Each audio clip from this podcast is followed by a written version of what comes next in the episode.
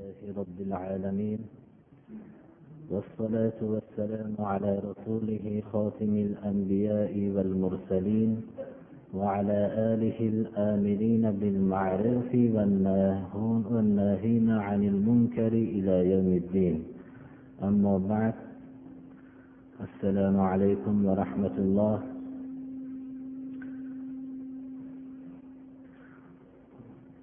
qur'oni karimdan davom etayotgan darsimiz sura baqaraning ma'lum bir o'rniga kelgan edi بالله ومن الناس من يعجبك قوله في الحياة الدنيا ويشهد الله على ما في قلبه وهو ألد الخصام. وإذا تولى سعى في الأرض ليفسد فيها ويهلك الحرث والنسل والله لا يحب الفساد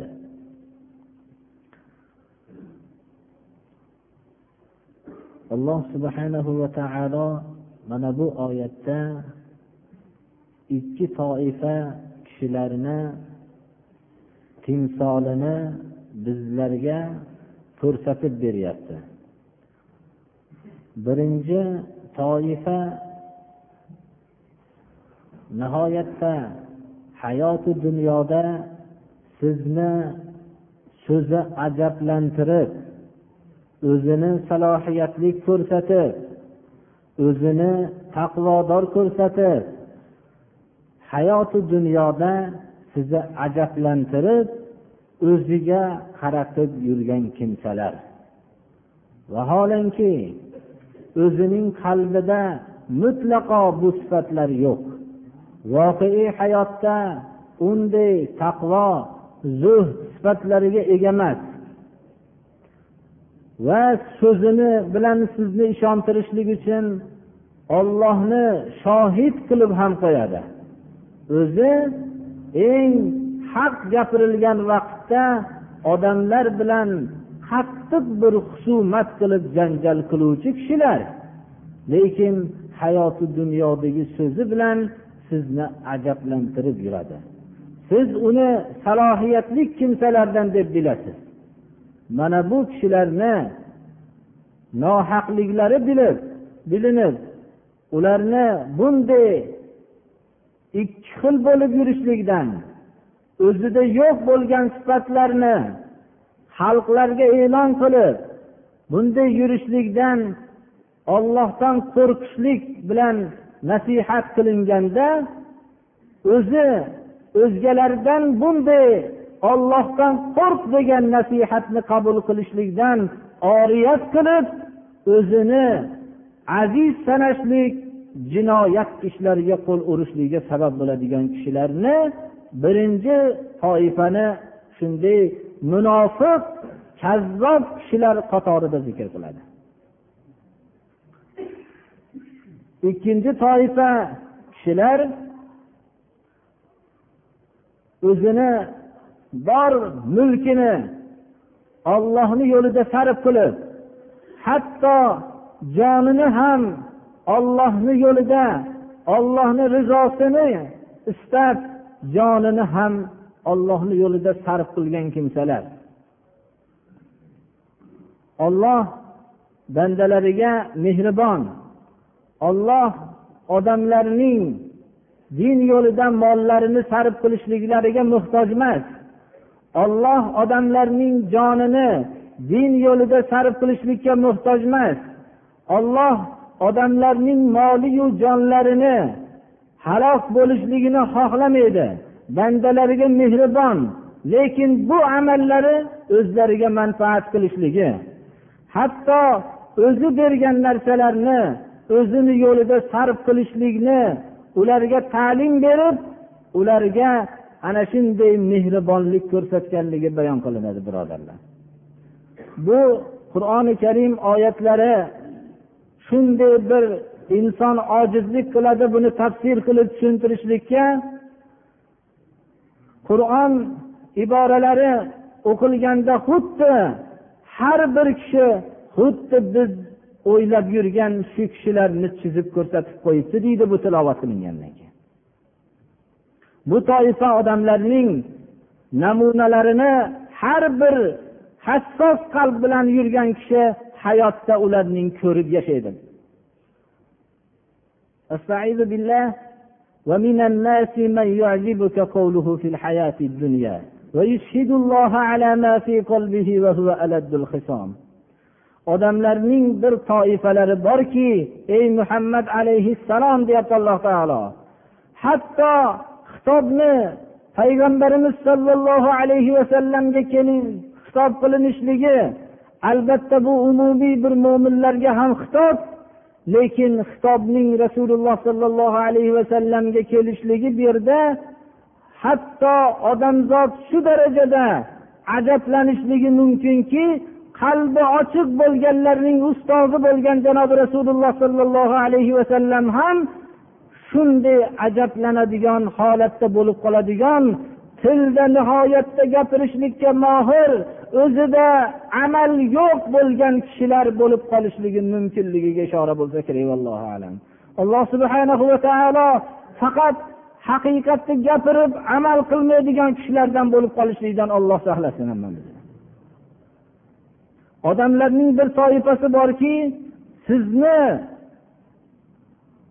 uning hayoti dunyodagi so'zi ajablantiradi. Nihoyatda tildor tilidan chiqayotgan so'zlar nihoyatda haq nihoyatda haqiqatga o'xshab ko'rinadi. O'zini haqiqatchi qilib ko'rsatadi. Va o'zining haqiqatchiligiga yana ham ishontirishlik uchun qalbidagi narsaga ollohni guvoh qilib qo'yadi. Shu so'zimga olloh guvoh haqiqatni so'zlayapman deb guvoh ham qilib qo'yadi. Ammo o'zi eng haqiqat bilan qattiq husumat qilib jang qiluvchi kishi. Haqiqatga unamaydiganlarning eng birinchisi o'zi. Ana uning haqiqatga unamasligini tekshirmoqchi bo'lsangiz uning amal maydonidagi qilgan ishlariga nazar tashlasangiz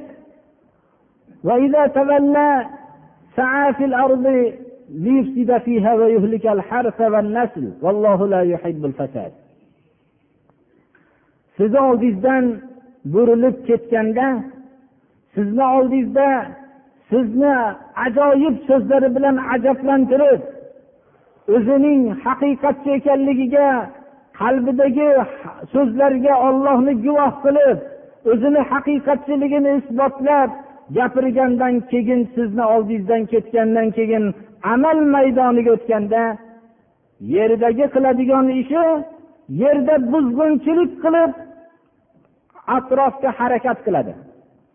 Hamma ishi buzg'unchilik shariatga xilof bo'lgan amallar bilan uning harakati to'lib toshgan. Uning buzg'unchiliklari butun insonlarning ehtiyojiga sabab bo'lgan ekinlarni hammasini vayron qiladi va insoniyatning hayotini davomi bo'lgan naslni halok qilib qiritib yo'qotadi. Butun hayoti insonlarning hayotiga sabab bo'luvchi narsalarni va ularning hayotlarini davomati bo'lgan narsalarni halok qilishlik bilan to'la uning daftari mana o'zlarining so'zlari bilan haqiqatni olib kelyapsiz degan zotlar tarixda ko'p o'tdi. Lekin qilgan ishlarini tekshirib ko'rsangiz odamlarning hammalariga manfaat yetkazib turgan dog'iroqlarni halok qildi. Odamlarning ularning masalan hayotlariga sabab bo'lib turuvchi ular bemalol yashayishliklariga sabab bo'luvchi narsalarni halok qilishlik bilan tarixlari to'ldi ularni. Ammo so'zlarida faqat insonlarga adolat hamma yaxshilikni olib kelayotganligini davo qilishdi. Va bu qilgan harakatlarning aksarlari nasllarning qurishligiga ularning nogiron bo'lib qolishliklariga sabab bo'ldi. Ularning shunday qilgan harakatlari hammasi kelajak avlodning nogiron bo'lib qolishliklariga sabab bo'ldi. Ammo so'zlariga quloq solganingizda so'zi nihoyatda ajablantiradigan so'zlarni aytishgan edi. Va shunga o'zlarining harakatlari xolis ekanligini faqat insonlar manfaati uchun ekanligini e'lon qilishgan edi. Ammo haqiqatning ashaddiy qarshi kishilar edi. Ularning qilgan amallari bularning haqiqat bilan ashaddiy qarshi ekanligini isbotlagan edi. Ular insonlarning manfaatiga bo'lgan har ekin bo'lgan maydonlarini hammasini ular insonlarga manfaat yetkazib turuvchi ozuqalarning yo'q bo'lishligiga sabab bo'lgan edi. Nasllarning halokatiga sabab bo'lgan edi.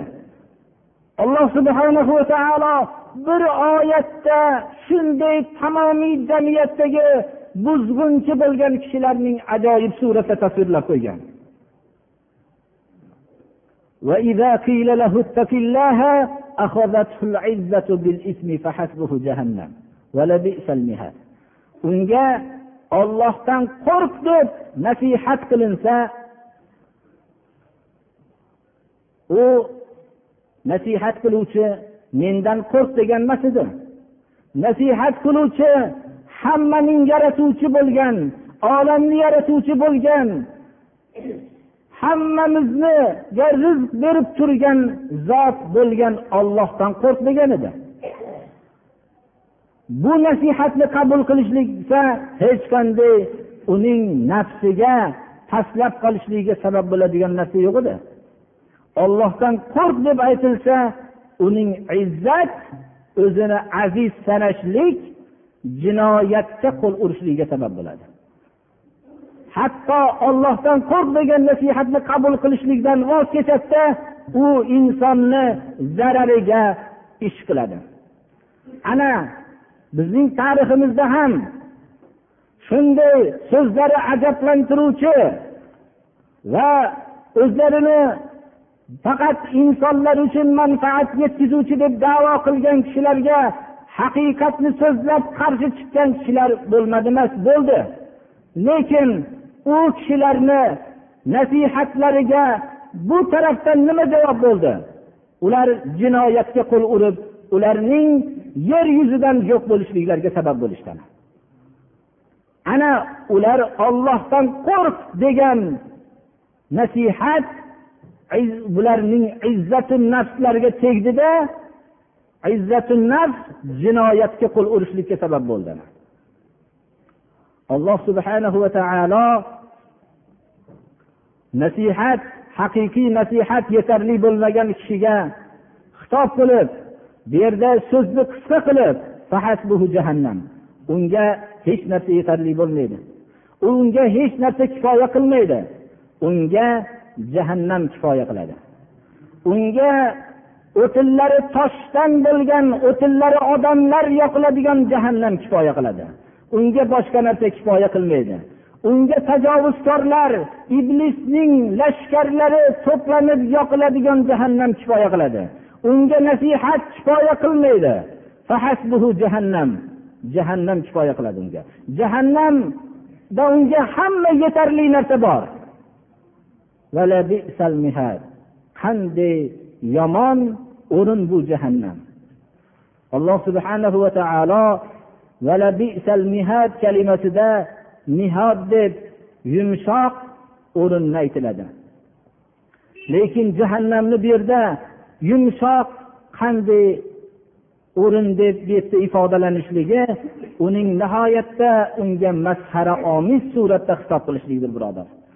Bir joyda alanga bo'lsa o't bo'lsa uning sifatini ollohdan boshqa o'zi hech kim bilmasa uning o'tinlari qattiq hech narsada joyda sinib ketmaydigan toshlar bo'lsa uning o'tini ollohga unamagan odamlar yoqilsa u yerda tajovuzkor o'zlarini zo'ravonlik qilib insoniyatga zarar yetkazgan kishilar bo'lsa unda iblisning lashkarlari bo'lsa bu o'rinni yumshoq o'rin deb ta'riflashlikdan ko'ra masxara yo'q birodarlar. Qanday bu yomon yumshoq joy deyapti alloh taolo. Unga hayotdagi nasihatlar undagi hayotdagi tajovuz sababli o'zining shaxsiy manfaatlarini to'plagan narsalar yetmaydi. Unga yetadigan kifoya qiladigan narsa jahannam deyapti alloh taolo.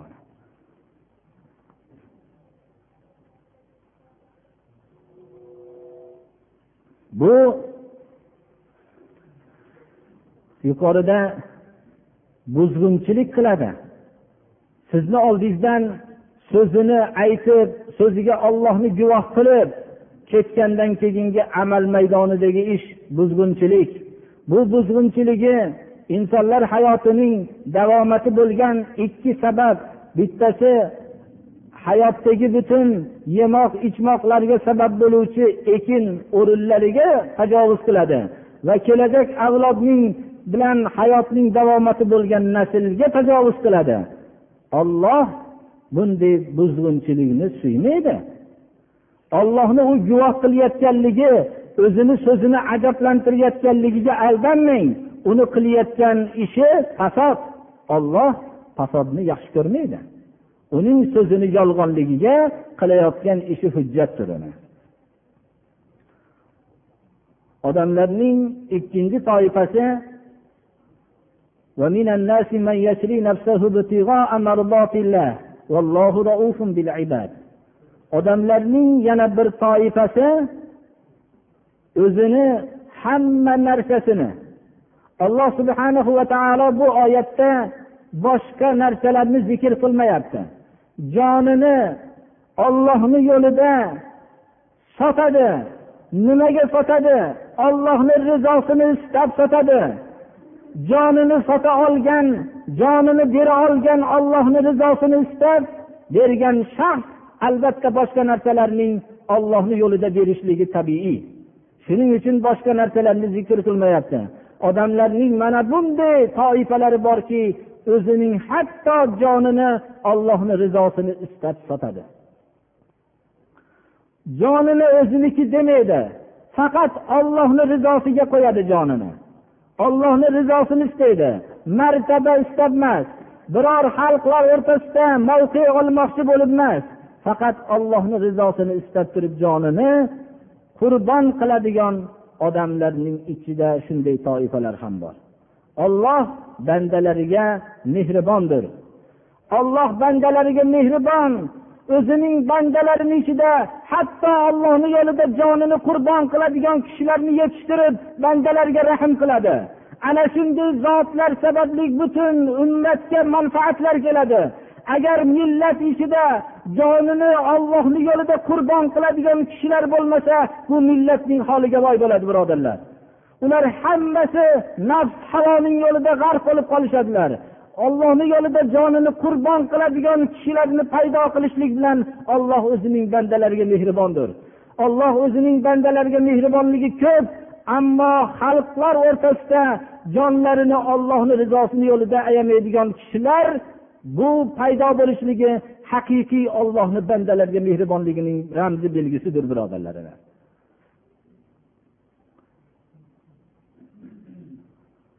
mana shunday zotlar bilan hayot ziynatlik mana shunday kishilar bilan hayot bir insonlar hayotiga o'xshab turadi. Hayotdan ba'zi vaqtlarda insonlik xususiyati bilan ko'ngli sovib ketgan vaqtda shunday zotlarning tarixini o'qib shunday zotlarning hayotda agar baxtli insonlar bo'lsa shunday insonlarni ko'rishlik bilan quvonib o'zining o'ksishlik afsus nadomatlari yo'qolib turadi birodarlar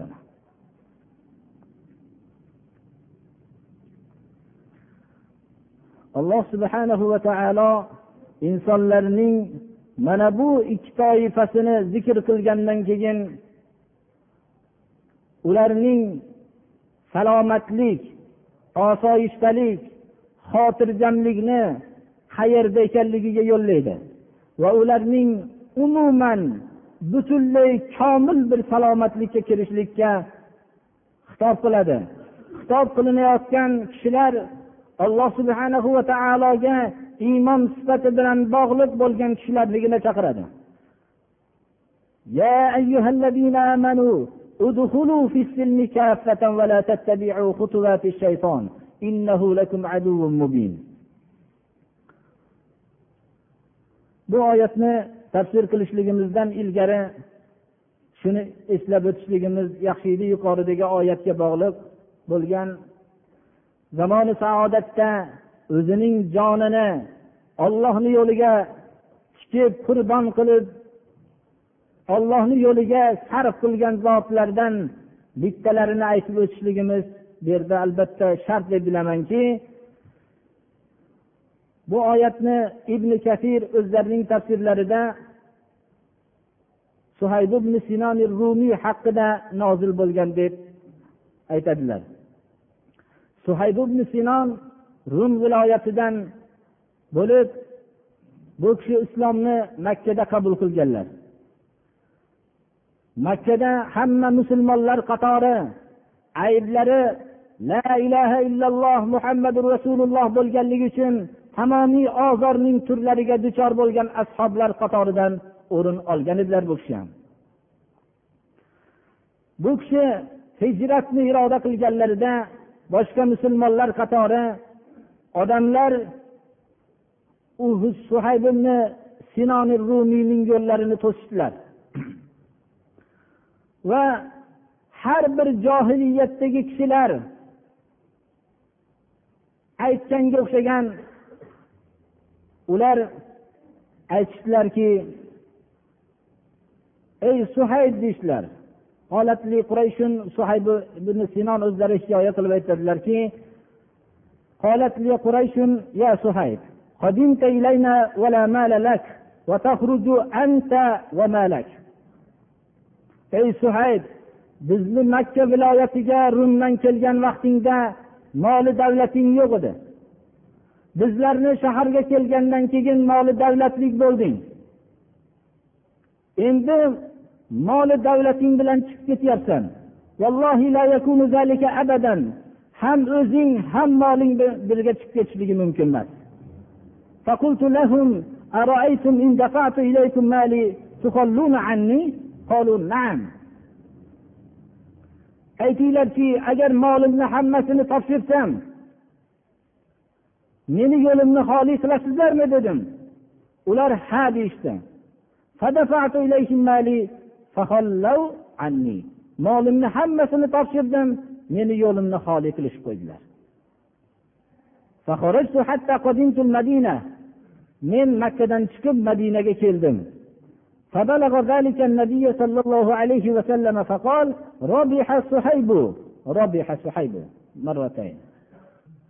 rasululloh sollallohu alayhi vasallamga bu xabar yetib keldi.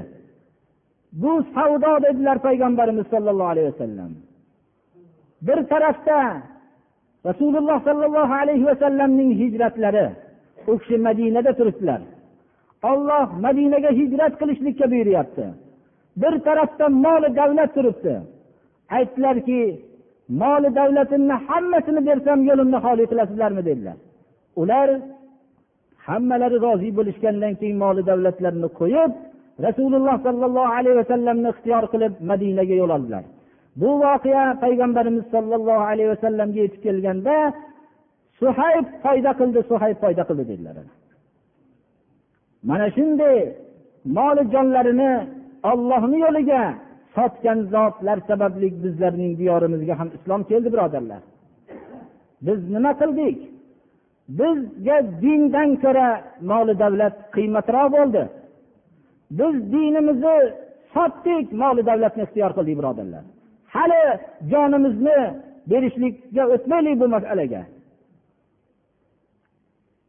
Ana alloh subhanahu va taolo o'zining bunday bandalarini abadiy kitobida yod qilib bulardan rozi bo'lib bularni kishilarning xalqlar o'rtasida paydo qilishligini bandalariga o'zining mehribonligi deb e'lon qilyapti birodarlar.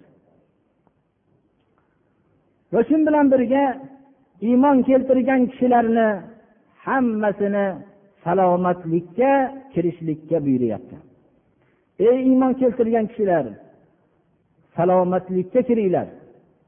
Islom kalimasi o'zi silmun salomatlikdan olgan. Islom diniga kirishligi bilan tamomiy azobi uqubatdan fikringizni chulg'ayotgan azobdan ruhingizni chulg'ayotgan qiynayotgan azoblardan hammasidan salomat bo'lasiz. Ham ruhiy salomatlik salomatlik jamiyatdagi salomatlikka o'tasiz.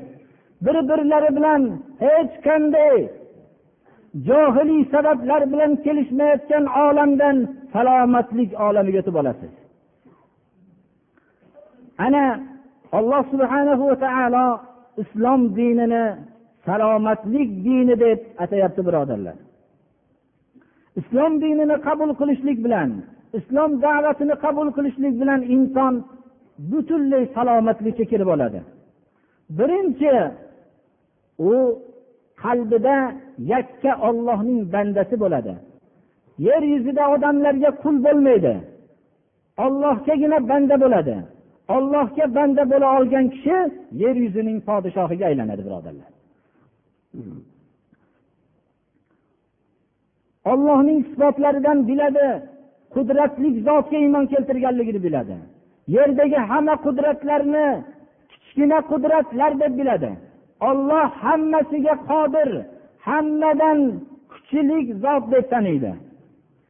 Va ollohning hukmini ollohning sifatlaridan adolatlik bir hukmga kirdim deb biladi. Hikmatlik zotga iymon keltirganligini biladi.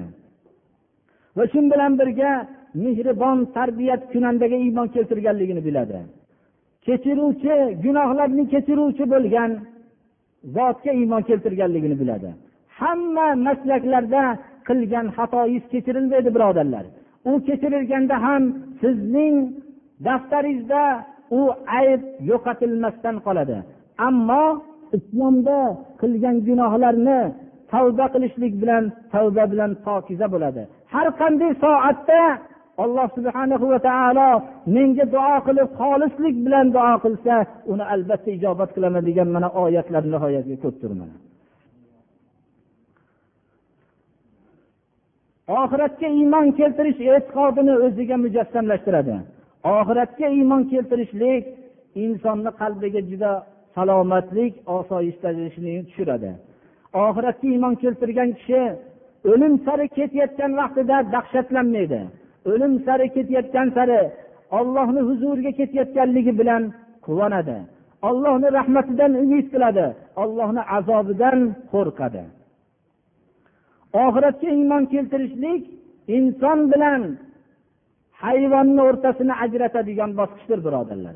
Oxiratga iymon keltirgan kishi o'zini albatta haqiqat bilan hukm qilinadigan olamga iymon keltirib hayotdagi bo'layotgan ko'p o'zining ololmayotgan mukofotlarini haq yo'lga chaqirayotgan vaqtda xalqlarning tushunmayotganligini hisobga olmagan holatda oxiratda haqiqat bilan adolat bilan hukm qilinadigan kunni e'tiqodi bilan yashaydi.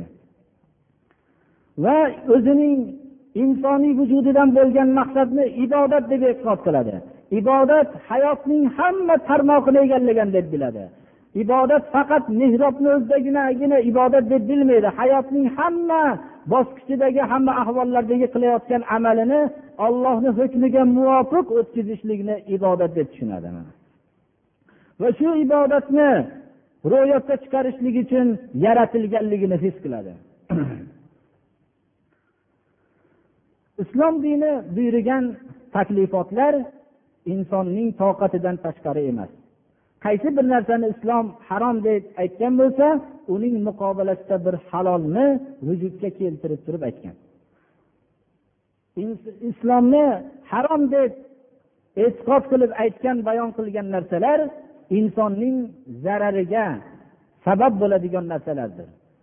Dunyodagi hamma toyibotlarni halol qilib turib ichimlikni mast qiluvchi ichimlikni harom qilgan. Nikoh bilan turmushni halol qilib turib hayotda fohisha buzuqlikni harom qilgan. Dunyoda hamma go'shtlarni shariatga muvofiq so'yilishlik bilan halol qilib turib istisno qilingan ba'zilarini harom qildi birodarlar. Insonning endi shuncha halol qilingan narsalardan harom qilingan narsalarni ixtiyor qilishligi o'ziga zarar bo'lishligidan tashqari o'zining insonligini esdan chiqarganligini belgisidir bu islom diniga kirishlik bilan bir jamiyatga qadam qo'yadiki bu jamiyat a'zolari hammasi bir biri bilan aka uka bo'lgan jamiyatlar.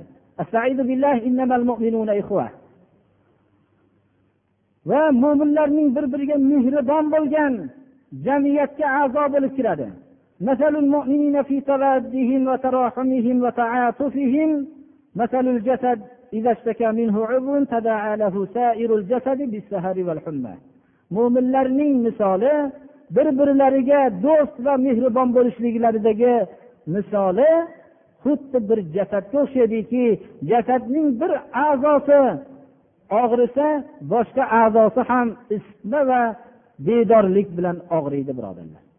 Bir odamning qo'li og'rigan bo'lsa boshqa a'zolari hammasi bedor bo'lib uyqusizlik bilan isitma bilan birga qo'shilib og'riydi. Musulmon jamiyati ana shunday jamiyat deb rasululloh sollallohu alayhi vasallam mana tasvirladilar. Bu jamiyatning odoblaridan hammasi makorimi axloq bo'lgan axloqli jamiyatdir.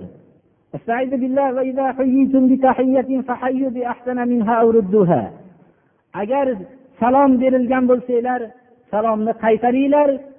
Shu miqdorda yo yaxshiroq miqdorda qaytaringlar. Assalomu alaykum deyishlik bilan va alaykum assalom va rahmatullohi va barakatuh mana javob qaytariladi. Birinchi biz salomning qadriga yetmaymiz birodarlar.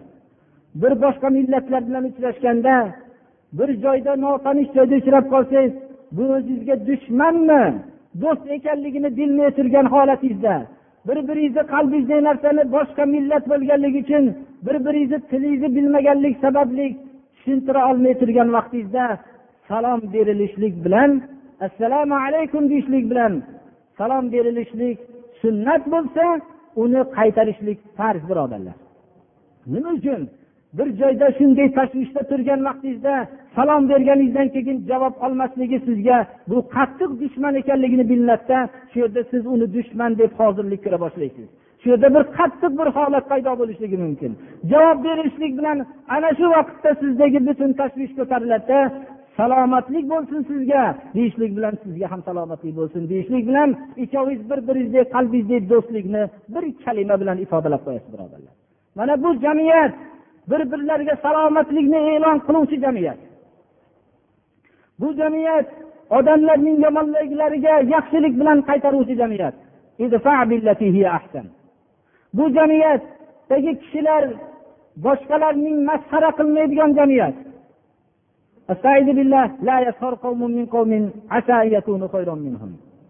Bu jamiyatdagi ayollar ikkinchi bir ayollar jamiyatini masxara qilmaydigan jamiyat. ayollar jamoasi ikkinchi bir ayollar jamoasini masxara qilmasin. Bu jamiyat bir birlariga xunuk laqablar qo'ymaydigan jamiyat.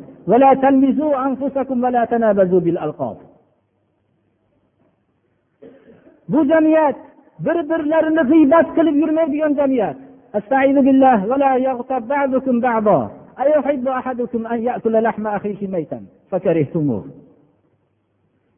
ana bu jamiyat kimdan nima gap eshitgan bo'lsa qabul qilib ketavermaydigan jamiyat يا أيها الذين آمنوا إن جاءكم فاسق بنبأ فتبينوا أن تصيبوا قوما بجهالة فتصبحوا على ما فعلتم نادمين biror bir fosiq bir xabarni ko'tarib kelgan bo'lsa uni tekshirib ko'ringlar uni xabar asosida ish qilib qo'yib ertaman nadomat qilib qolishliginglar mumkin deyapti alloh taolo Bu jamiyat buzuqliklar ziynatlik qilib ko'rsatilmaydigan jamiyat.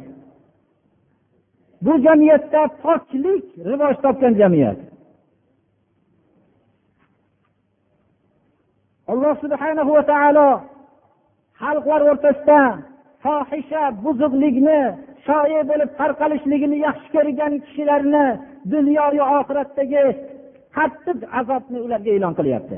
استعيذ بالله إن الذين يحبون أن تشيع الفاحشة في الذين آمنوا لهم عذاب أليم في الدنيا والآخرة والله يعلم وأنتم لا تعلمون xalqlar o'rtasida buzuqlikni shoya qilishlikni yaxshi ko'rgan kishilarga dunyoda ham alamlantiruvchi azobni e'lon qilyapti ollohning bu e'lonini hozirgi jamiyat yaxshi tushunib turibdi buzuqlikni yaxshi ko'rishlikni buzuqlikni xalqlar o'rtasida tarqatishlikni xohlagan kishilar hozir qattiq azobga duchor bo'lishib turibdilarki vabo kasali uning oldida hech narsa bo'lmay turibdi.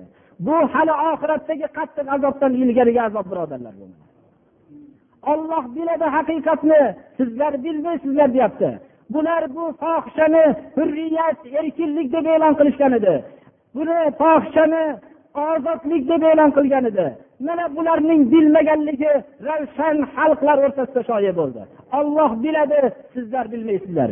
Bir ming to'rt yuz yildan keyin ular qattiq dunyoda bashariyat ustiga azob olib kelib qo'yganligini tushunishib turibdilar mana. Bu hali oxiratdagi qattiq azobdan ilgarigi azobda turishibdilar hozir. Bu jamiyat pokiza ayollarga bo'xton qilmaydigan jamiyat. ularning jazolarini vaqtida pokiza ayollarni bo'ston qilganlarni jazosini vaqtida beradigan jamiyat.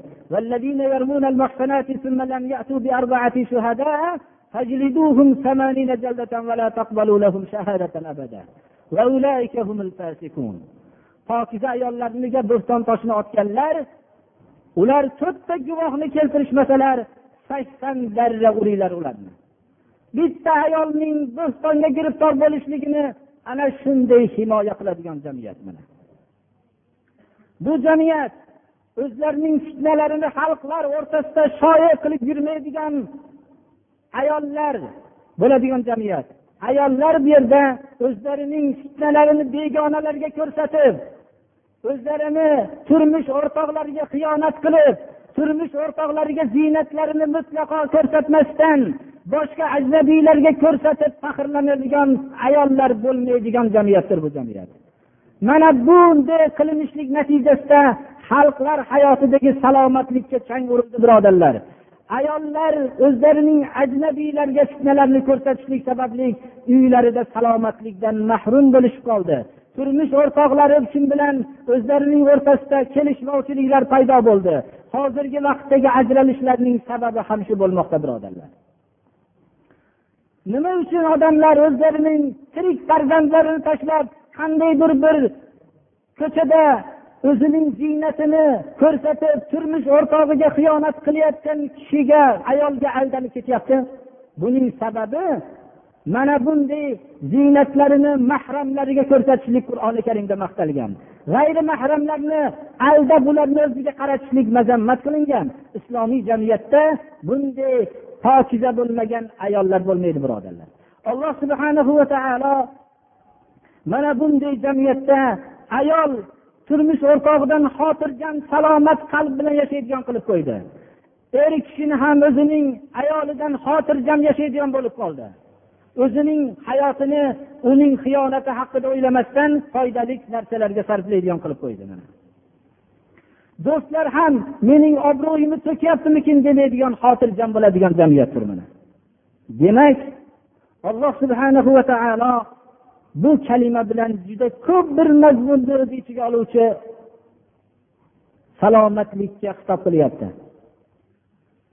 Ey iymon keltirgan kishilar kiringlar komil umumiy hamma salomatlikka kiringlar ya'ni islomga kiringlar islomga kirishlik bilan shunday salomatlikka kirib qolinadi.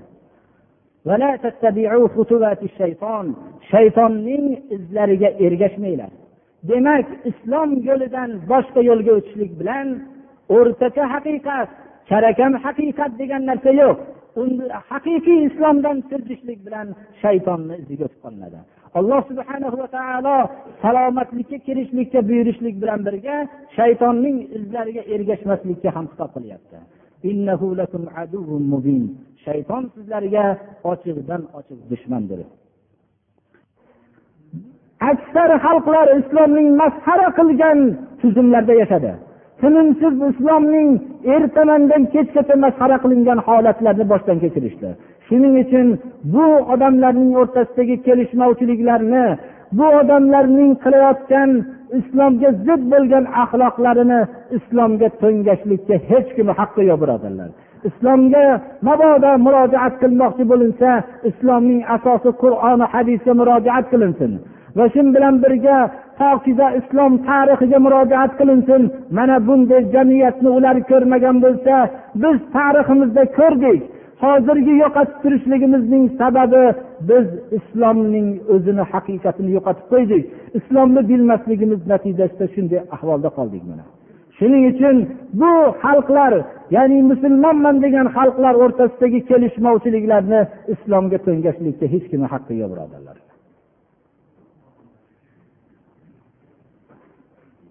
Alloh subhanahu va taoloning so'zi to'g'ri boshqalarning so'zi noto'g'ridir mana. Olloh marhamat iymon keltirgan kishilarni tamomiy salomatlikka kirishlikka chaqiryapti. Mana bu hayotda haqiqiy islomni tanigan odamlar salomatlik bilan qalb salomatligi bilan voqedagi salomatlik bilan yashamoqda. Musulmon kishini hech qanday tanglik olmaydi. U hatto musulmonning ba'zisiga musibat yetsa sabr qilib ajrlanadi. Salomatlik yetsa shukur qiladi. Ikkovidan ham foydalanadi. Davlatmanlik kelsa yaxshi ishlar qilishlik bilan hamd aytib foydalanadi. Kambag'allik kelsa sabr qilib manfaatlanadi.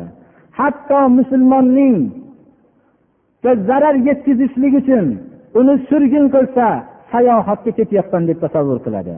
Agar musulmonni habs qilmoqchi bo'lsa o'zini ana shu yerda ham da'vatini davom ettiruvchi deb his qiladi.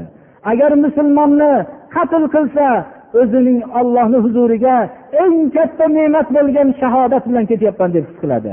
Musulmon doim salomatlik qalbi bilan yashaydi. Uning ana bu salomatlikni qayerdan oldi? Islomdan oldi. Mana islom tarixida ammor ibn yosirni umayyat ibn halaf bilolning bilol habashiyning hojasi qul qilib olgan hoja mushrik umayyat ibn halaf ammor ibn yosirning dindagi salobatini ko'rib ey ammor muhammad senga nimani berdi? deganda muhammad menga osoyishtalikni berdi dedi.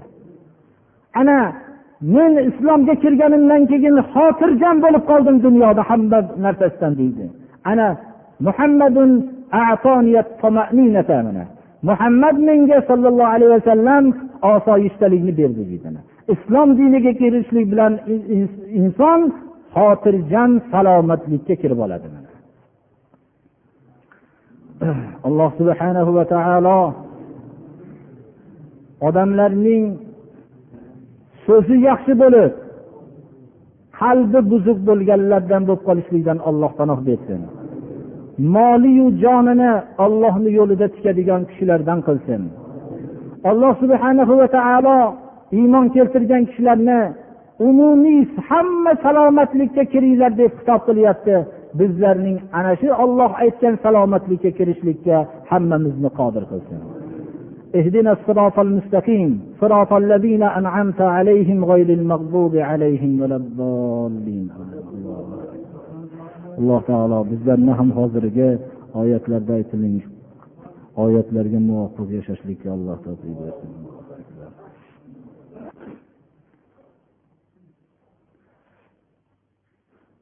Niyat qilish durustmi degan savol bo'libdi namozda endi niyat qilinishlik bilan niyat deb qalbni fe'lini aytamiz. Qalbda niyat qilib namoz o'qish farzligini qaysi namozligini tayin qilinsa kifoya qiladi.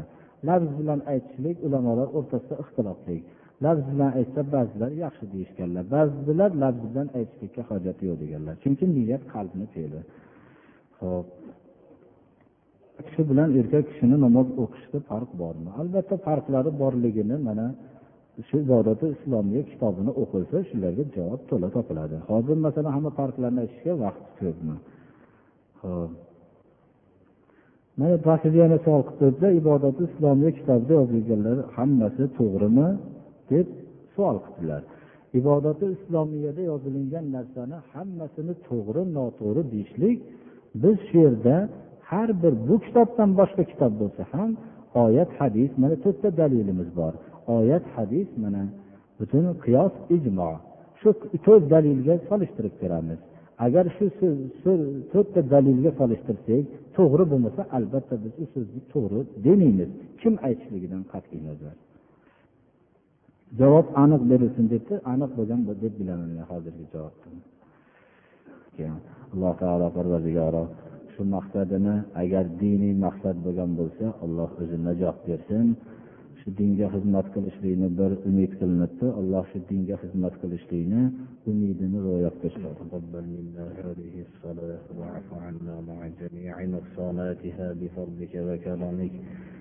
يا أكرم الأكرمين ويا أرحم الراحمين. اللهم إنا نعوذ بك من الكفر والفقر والجبن والكسل ومن فتنة المحيا ومن فتنة الممات ومن فتنة المسيح الدجال ومن فتنة عذاب القبر وأن نرد إلى أرذل العمر. اللهم أعنا على ذكرك وشكرك وحسن عبادتك. اللهم أوصلنا إلى مقاصدنا وتب علينا إنك أنت التواب الرحيم.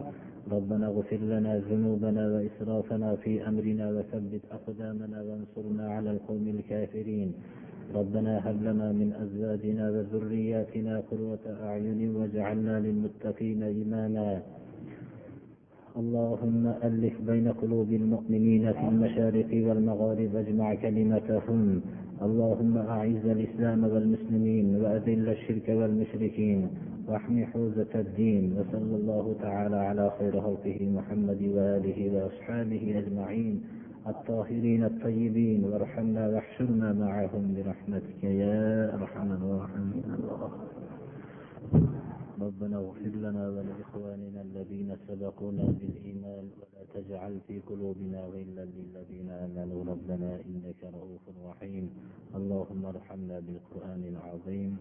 واجعله لنا حجة يا رب العالمين وصلى الله تعالى على خير خلقه محمد وآله وأصحابه أجمعين الله أكبر آمين الله تعالى hammamizni ibodatlarimizni qabul qilsin gunohlarimizni mag'firat qilsin alloh taolo rahmatiga cho'mdirsin hammamizni o'tganlarimizni rahmat qilsin qolganlarimizni salomat qilib shu salomatligimizdan din yo'lida foydalanishlikka alloh qodir qilsin avlodlarimizni hammasini to'g'ri yo'lga hidoyat qilsin. Mehmonlarimizga ham qadamiga alloh taolo hasanot bersin.